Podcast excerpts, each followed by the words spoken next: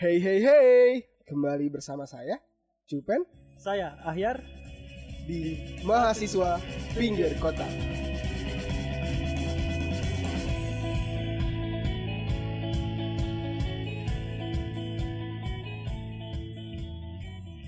Hey hey hey, kembali lagi bersama saya Muhammad Nizamudin Ahyar di podcast Mahasiswa Pinggir Kota. Kali ini saya sendiri nih sebagai host karena host yang satu lagi jadi bintang tamu. Jadi bintang tamu kali ini adalah Kang Cupen, Kang Aditya Supena. Halo Kang Cupen. Halo ya. Halo, gimana kabarnya Kang? Alhamdulillah lancar nih kabarnya. Oke. Gimana Bandung aman Bandung? Bandung aman eh, seperti biasanya lah. Kadang panas, kadang hujan besar. Oke.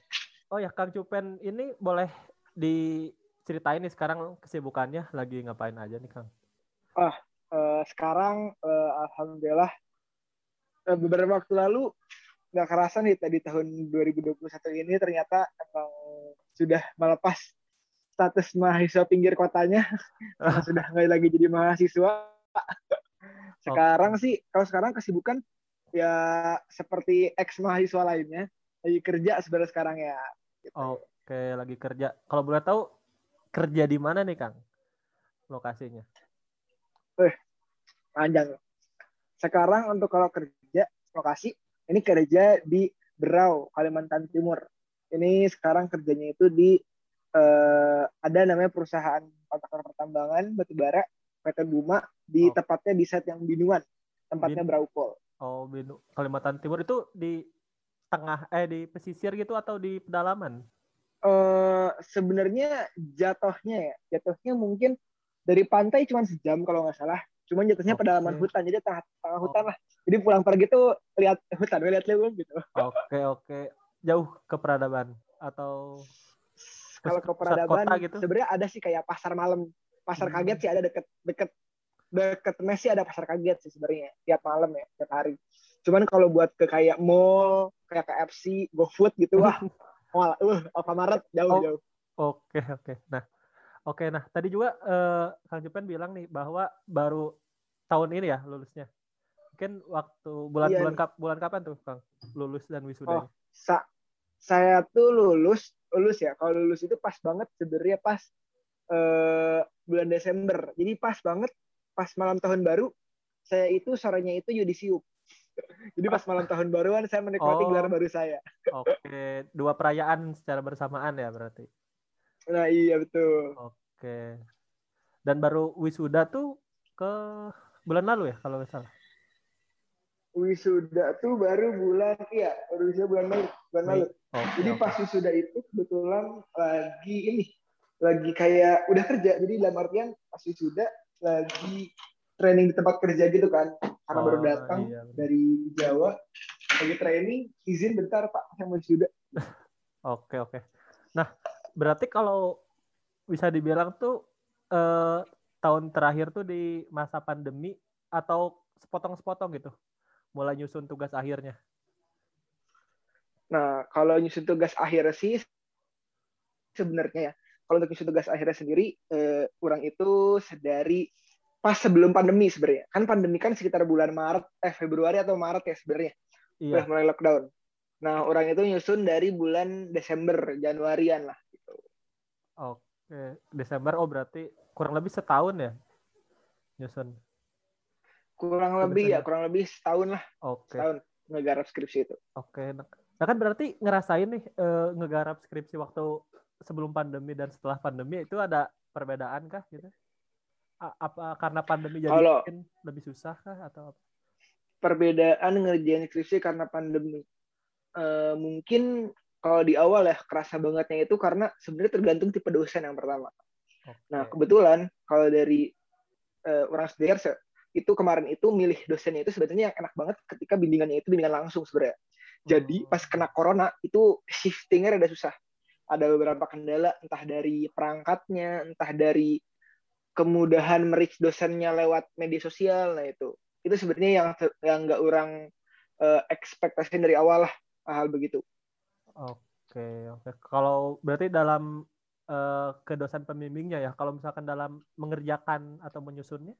Nah, kalau mengerjakan juga, mengerjakan juga kerasa banget lah itu pengaruh. Jadi karena ngerjainnya pas pandemi dan juga pas lagi ibaratnya nggak bisa ketemu langsung ya. Jadi ketika ada eh, misalkan nih kritik dari dosen itu kita nggak bisa langsung follow up hari itu juga. Jadi sedihnya itu adalah malah sampai sekitar bisa dibilang dua minggu sekali lah progres tuh dapat progres dari dosen. Jadi dua minggu ngerjain, terus dua minggu lagi di respon dosennya, jadi kayak sebulan tuh sebenarnya cuma ngerevisi beberapa sedikit doang. Oh, Jadi- oke. Sedikit lah, jadi kurang enak, mendingan langsung sebenarnya sih harusnya. Iya, ke, ke delay ke delay gitu ya si pekerjaannya yang mana kalau Nah iya bener. kalau langsung bisa langsung tektokan langsung dikerjain saat Ah, itu juga. itu banget tuh bener.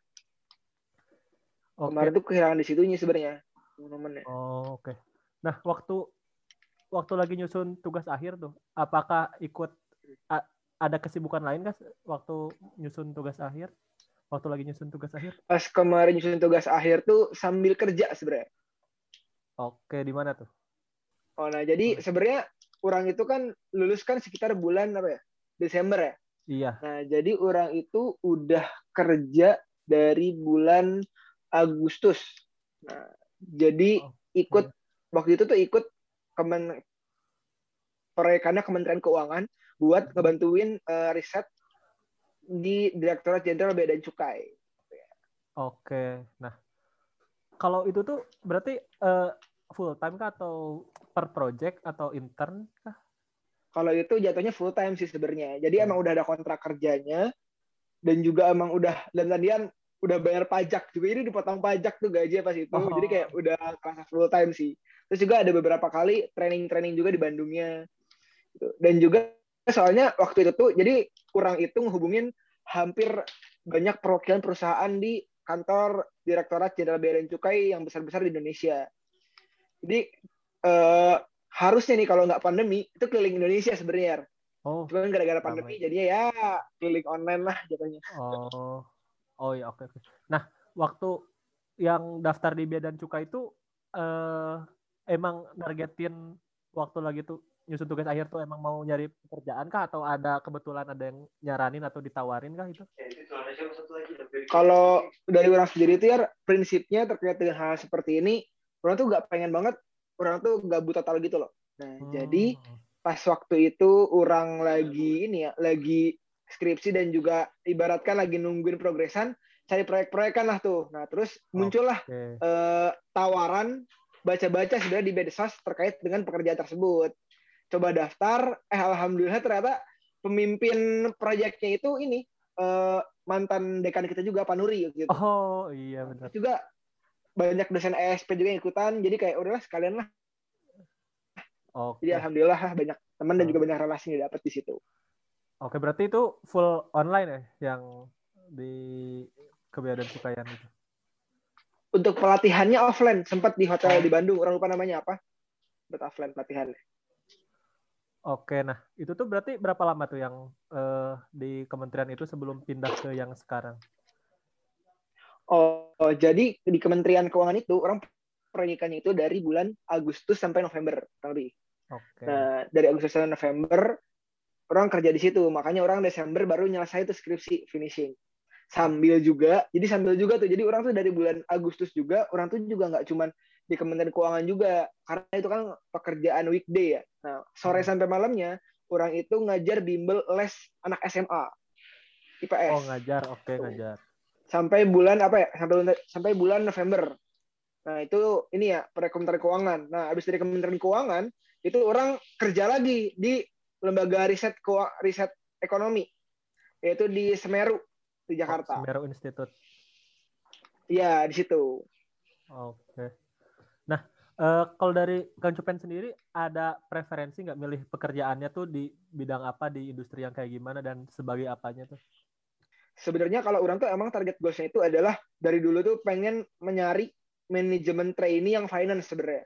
Hmm, Jadi emang pengen udah fokus ke bidang keuangan lah dari untuk mencari karir gitu ya. Makanya orang kenapa sih ketika ada kesempatan berkarir coba carinya yang eh, yang ini dulu, yang cocok dulu lah, yang cocok dulu. Jadi MT Finance. Nah makanya kemarin pas gabung-gabung di Kementerian Keuangan juga, terus juga kerja di Research Institute juga riset juga kan jadi ada hubungan sama ekonominya karena emang pengen nyari berfokus sih sebenarnya pekerjaannya dan yang penting halal lah sebenarnya Oh iya itu yang nomor satu ya halal.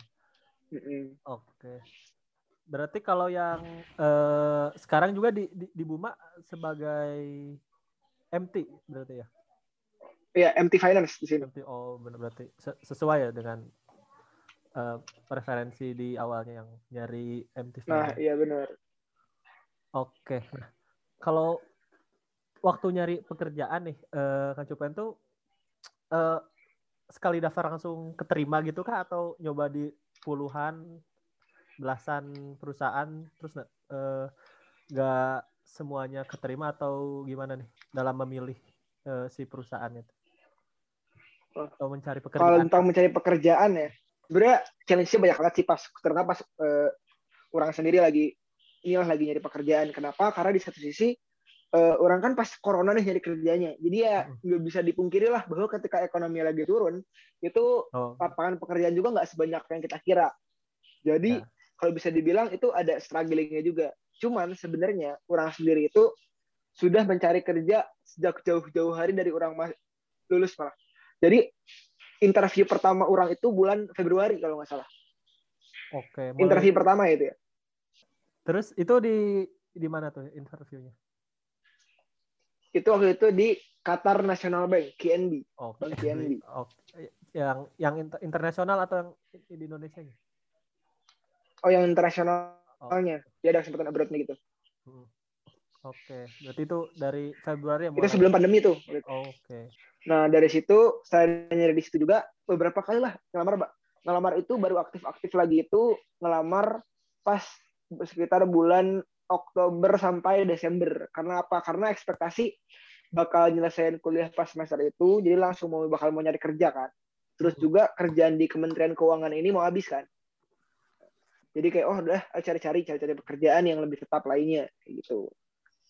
Baru dari situ dapat dapat dapat kerja itu sekitar H plus seminggu, H plus seminggu sidang. Pengumuman sidang, H plus seminggu, karena emang belum dapat ijazah kan, jadi emang Iya. pekerja, kalau ngelamar kerja emang coba cari-cari yang lowongan yang nggak minta ijazah lah, atau Hmm. paling banter SKL, tapi waktu itu belum dapat SKL juga. Nah, alhamdulillah waktu itu selang seminggu itu ditelepon nih sama pihak Semeru untuk ngebantuin jadi riset asisten di Oke. proyeknya. Ya udah, join lagi. Baru serang itu riset asisten selama kurang lebih tiga bulan, tiga bulan empat bulan lah sampai bulan Maret. Nah, Maretnya itu sampai ikut seleksi Buma. Nah itu Oh. jalan-jalan terus ternyata alhamdulillah keterima Buma. Nah keterima Terima. Buma, Oke. pindah dari Semeru ke Buma ini. Gitu. Oh, berarti waktu Kalau dalam perjalanannya lamaran banyak banget sebenarnya. oh, Cuman ya itu yang jebol. Oke nah. Kalau waktu ngelamar ada tips-tips kah atau eh, cara-cara khusus Kang Cupen yang digunakan untuk eh, nyari pekerjaan mungkin pakai lewat aplikasi atau platform apakah atau langsung ke email kah atau nyari di website gitu? Kalau sepengalaman orang ya, sebenarnya untuk website itu yang sebenarnya paling gede peluang feedbacknya itu job street sebenarnya. Saya lihat-lihat ya. Oke. Jadi LinkedIn itu kalau menurut orang, orang nggak tahu kenapa algoritmanya. Ya. Jadi eh, jarang lah ditindaklanjuti kalau LinkedIn. Lebih efektif buat yang ngirim langsung ke email perusahaannya, misalkan dia lagi buka langsung kirim ke perusahaannya, Hmm. ataupun misalkan ketika ini, ketika eh, ketika kita daftar lewat job street. Nah, jadi harus jeli juga tuh, coba pahami di sekitar kalian itu lowongan tuh lewat apa sih? Soalnya kadang-kadang ada beberapa perusahaan tuh yang nggak buka langsung lowongan, tapi lewat eh, konsultan sendiri lah. Banyak soalnya kayak gitu. Oh iya, iya benar-benar. Dan eh, di LinkedIn itu suka ada ini ya keterangan aplikan yang udah daftarnya ya. Biasanya dicantumin juga kalau LinkedIn. Iya, iya, LinkedIn udah, udah lengkap dia kayak gitu. Iya emang. Nah, tapi LinkedIn LinkedIn itu Ya. tetap harus dikelola juga ya. Kenapa? Soalnya kebanyakan para eh para pencari inilah para orang-orang yang menawarkan kerja itu biasanya mereka nanti bakal lihat lihat, lihat LinkedIn nih, LinkedIn orang Hmm. tersebut Mm-mm. entah terlepas dia daftar dari mana. Bakal dilihat track recordnya dan juga kira-kira bagaimana nih orang tersebut nih. Dia udah ngapain aja lah dan tanda kutip gitu ya. Oh iya benar. Soalnya ada profilnya juga bisa dicek ya kalau LinkedIn tuh. Kalau Nah, itu lebih iya, ke betul. isi form gitu ya kalau job street. Iya, kalau justru lebih ke ngisi form lewat LinkedIn itu lebih verify. Kan LinkedIn kan juga ada rekomendasi ya. Iya. Jadi teman-teman nih bisa ngasih rekomendasi nih, semisalkan eh bisa lebih nge-verify lah kira-kira kemampuan kita tuh seberapa bagus gitu. Dengan verify dari teman-teman kita. Oh iya bener. Nambah perspektif buat si rekrut rekruternya juga. Mm. Oke, nah eh, kalau eh waktu pengalaman nyari kerja nih kan sebelumnya eh, Kang Jupen juga aktif ya di kampus ya, kalau bisa dibilang Mm. eh, sebelumnya. Apakah keaktifan di kampus tuh memengaruhi mungkin dari dalam sisi interview kah atau dari eh, seleksi untuk pekerjaan yang di yang Kang Jupen daftar? Sebenarnya pastinya kerasa banget sih. Hmm. Terutama di fase-fase di mana udah face to face sama si interviewernya. Nah, Jadi kan karena ya mau nggak mau kalau kata orang pribadi ya, kita tuh di fase pertama itu di psikotes itu harus pintar belajar lah dalam artian rajin belajar. Nah, sebenarnya fase penentu yang kedua itu adalah di interview dan selanjutnya. Orang nggak bisa memungkiri bahwa ketika di nanti pas interview itu ditanyainnya nggak bakal jauh dari pengalaman pas kuliah, pengalaman organisasi. Semua eh, wawancara kerja nanyain itu. Dan dan juga kita harus bisa ngejelasin nih, dalam artian apa sih dalam tanda kutip dagingnya kita? Apa sih kira-kira hal positif dari kita? Nah Oh. juga harus diperhatikan eh, kebaikan-kebaikan yang kita miliki, kebaikan-kebaikan yang kita lakukan, kita harus tahu bagaimana cara menyampaikannya dengan baik gitu. Makanya harus pintar-pintar nih, kira-kira milah-milih, kira-kira pengalaman apa yang mau dijadikan pengalaman yang kira-kira bikin orang lain tuh tahu bahwa kelebihan lu tuh seberapa jauh gitu ya. Oke oke. Iya Kak. karena pengalaman akademis juga eh, belum cukup ya untuk eh, jadi bekal ya. Iya. Kalau pribadi mah intinya mah jangan mudah percayalah ke kating-kating yang bilang mana nggak usah IPK bagus. IPK mah harus bagus gitu. Oh iya. Eh, ibaratkan IPK kalau ada orang yang bilang IPK bukan segalanya, ya bukan segala. Tapi ketika IPK bagus itu juga menjadi nilai plus gitu. IPK adalah sebuah tanggung jawab sebenarnya. oh benar. Nah, cuman ketika ada hal organisasi itu bisa ngebuat mana inilah lebih step up di depan orang-orang lain. Oke benar. benar. Iya IPK bukan segalanya tapi kalau gak ada IPK ya gak masuk ke kriteria minimal untuk buat daftar ya. Soalnya biasanya suka ada kriteria minimal juga kan. Iya. Nanti pertanyaannya kayak jatuhnya mana pas kuliah emang ngapain dan tadi ya, kenapa sampai nggak bisa nggak bertanggung jawab dengan akademik sendiri gitu. Oke, iya benar benar. benar. Terus nih kan eh, jauh ya sekarang tuh ngerantau nih di Kalimantan dan dulu juga mungkin sempat ngerantau juga waktu kuliah ya. Ada perbedaan nggak eh, ngerantau kuliah sama ngerantau kerja gitu? Kalau perbedaan perbedaan sebenarnya kerasa banget sih perbedaan antara ngerantau kuliah sama sekarang kerja. Karena kalau kuliah kan dulu kan notabene kan masih besar ya, masih di Bandung gitu kan, masih di. Jatinangor, deket lah sama Bandung dan masih banyak lah fasilitas-fasilitas yang memadai. Nah sekarang tempat kerja dengan industri tambang kayak gini cukup susah sebenarnya nyari tambang yang berada di dekat pusat kota kan pastinya kan pasti tambang entah di eh, dekat-dekat hutan lah itu dan tambang orang itu ya termasuk yang sebenarnya lumayan dekat sama kota. Cuman sejam ke bandara. Oke. cuman ya nggak segampang itu untuk saat ini di masa corona keluar masuk eh, tambangnya gitu. Jadi paling eh, sedikit culture shocknya itu ada di sisi bahwa orang kan baru dapat pulang kan kalau untuk sekarang masa MT kan kurang lebih eh, sekitar dua bulan sekali ya bisa pulang ya. Itu sih Oh, sebenarnya. Kalau dulu pas kuliah, ya ke Jawa bisa pulang dua bulan sekali di, pas dibayarin perusahaannya. Nah, jadi kalau ibaratkan perbedaannya adalah kalau dulu orang jarang pulang itu karena orangnya nggak mau pulang, sekarang mah orang nggak pulang karena emang nggak bisa pulang gitu. Oh iya beda. Perbedaan yang belum signifikan kan itu. Mm. Terus di sini ya karena jauh dari mana-mana, jadi emang harus lebih prepare sih untuk barang-barangnya dan juga eh, kesibukan-kesibukan gitunya. Oke, berarti sekarang tuh ini decide ya. Ya decide. Oke. Eh, Kalau kalau decide tuh eh apa ya? Kalau bisa dibilang itu tuh berarti kan eh, sekitarnya tuh cuman eh, tempat-tempat perusahaan aja kan, bangunan-bangunan perusahaan gitu?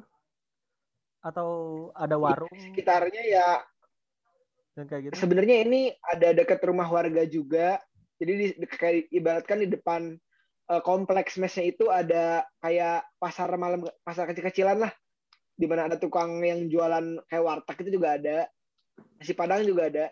oke oke nah ngomong-ngomong Nah, cuman belan- sisanya dari itu ya kita kalau keluar susah. oke kalau dari harga sendiri Belanja ada sih koperasi. Oh. Apa? ya dari harga dan variasi barang gimana Kalau harga saya bertanya, saya mengakui lah di Kalimantan mahal-mahal. Jadi kalau Anda merasa di Jawa makanan-makanan itu mahal, wah di sini lebih mahal. iya iya lebih lebih apa ya oh ini apa ongkir ongkir gitu beli beli all shop gak sempat beli all shop gak di Nah, kalau ongkir kayaknya lumayan mahal deh, bisa sampai 50 ribuan kalau di Jakarta ya. Iya.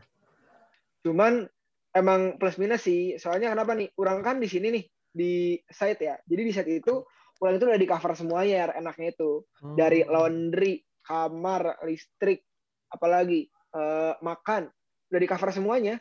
Orang tinggal emang tinggal kerja doang.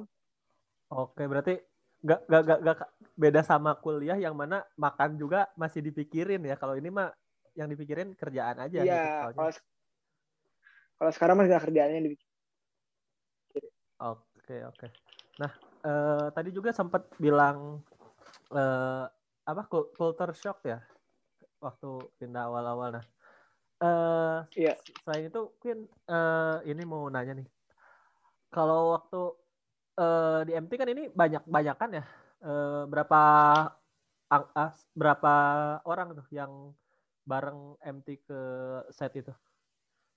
Seangkatannya. Oh, kalau seangkatan MT-nya itu ada 48 orang. Mm-mm. Seangkatan ya. Cuman kalau untuk yang ditempatin di set sini itu cuman sekitar eh, berapa ya?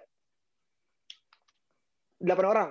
Delapan Jadi, orang. Oh. 40 orang lainnya itu dipecah di beberapa site. Emang ada banyak site tambangnya. Jadi dipecah ke beberapa site orang-orang lainnya. Oke, berarti kalau ngumpul sama berdelapan itu aja se- sehari-hari. Iya, sehari berdelapan aja kurang lebih. Nah, terus kalau mungkin kalau be- bedanya di pekerjaan sama di kampus dulu selain itu ada ini ya dalam interaksi mungkin ke, ke terbatas apa ya bergaul juga terbatas gak apa ya kalau bisa dibilang terbatas ke delapan orang itu aja atau Kang Jupen ke pekerja-pekerja lapangan yang lain juga berhubungan kah atau gimana? kalau peker, kalau pekerjaan lainnya sebenarnya kita tuh kan sebenarnya kan karyawan kalau MT ya. Itu kan dari head office-nya ya sebenarnya karyawannya. Jadi kita ada tugas juga untuk tugas kenalan sama orang-orang di set juga. Mungkin kalau interaksi alhamdulillah sih lancar-lancar aja sih. Nggak cuma terbatas dengan delapan orang yang bareng itu anak-anak MT aja. Dan juga untuk lebih serunya mungkin jadi kebayang nggak sih sekarang tuh karena teman kerja itu orang bisa partner kerja sama orang yang seumuran sama bapak sama ibu ibu bapak orang gitu Oh. kebayang nggak sih kayak sekarang suami orang bukan jadi Jauh, lagi ya. orang tuh jadi teman kerja tapi sekarang. Oke. Oke oke. Nah, mungkin eh sebagai penutup ya, eh mau minta ini dong tips-tips dalam mungkin mencari kerja, beradaptasi di dunia pekerjaan dan cara biar ketika eh, mahasiswa tuh habis lulus gak terlalu bingung mau ngapain. gitu. Hmm. Oke, untuk yang pertama mungkin tips-tips pertama untuk mencari kerja adalah eh, orang yakin ya. Sebenarnya setiap orang itu mempunyai jatah gagal. Kenapa? Karena ibaratkan ketika interview pertama pasti beda rasanya dengan interview ke-10. Beda rasanya. Nah, oleh karena itu coba biasain nih, biasain kira-kira eh, latihan-latihan. Coba lamar kerja dari sekarang walaupun masih masih tingkat akhir. Dia tahu nanti nih ketika nanti udah lulus tahu bahwa kalau interview itu harus kayak gimana gitu. Coba-coba. Nah, dan terus misalnya orang ya, coba spesifik tuju kira-kira mau karirnya seperti apa sih. Sehingga nanti ketika diwawancara itu, mana nggak pusing sebenarnya eh, menjual diri mana. Soalnya setahu orang nih ya, sebenarnya ilmu tuh luas banget. Nah, dan juga setiap masing-masing ilmu itu mempunyai daya dukungnya sendiri-sendiri. Nah, kalau mana misalkan mencari pendukung-pendukung yang beda-beda, dalam artian misalkan nih, mana sebagai anak pemasaran misalnya, tapi Hmm. pengen belajar keuangan juga, pengen belajar HR juga. Jatuhnya tuh mana general generalis gitu loh. Iya. Sedangkan kalau di masa sekarang ini, kebanyakan itu yang dibutuhkan itu adalah tenaga-tenaga ahli yang lebih spesifik ke dalam suatu skill tertentu. Jadi coba deh fokuskan ke arah mana. Itu. Jadi coba cari training-training kira-kira yang training-training yang dibutuhkan training apa. Karena itu text time juga dan juga eh, mana nggak bisa ngejalanin semua training secara berbarengan. Terus yang ketiga mungkin sarannya adalah eh, coba konsisten rajin untuk ngelamar kalau saran orang ya. Kalau Hmm. semisalkan cocok coba sikat dulu aja, coba lamar dulu aja. Orang tuh dulu bisa sampai sehari tuh ngirim 4 sampai 5 lamaran.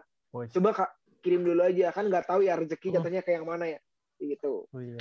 Nah, itu sih paling kalau dari orang. Sisanya adalah perbanyak relasi, perbanyak silaturahmi dan juga jangan lupa eh karena kita sebagai umat beragama jangan merasa tinggi diri, sombong diri, percaya bahwa segala sesuatu itu sudah ada yang mengatur oleh Allah Subhanahu wa taala. Gitu paling.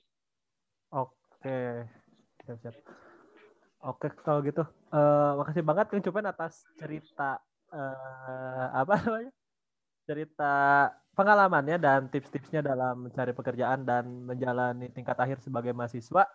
Eh Oke. kalau bisa disimpulkan eh, banyak tantangan yang dihadapi apalagi di masa corona ini bagi mahasiswa tingkat akhir dan dalam mencari pekerjaan jangan pernah putus asa dan kalau saya ingin mengutip kata-kata dari Confucius eh, apa pun yang kamu jalani jalanilah dengan hati oke sekian mungkin eh, podcast mahasiswa pinggir Nah, kota betul. dan ini merupakan episode terakhir mahasiswa pinggir kota karena akan berubah nama dan berubah konsep juga.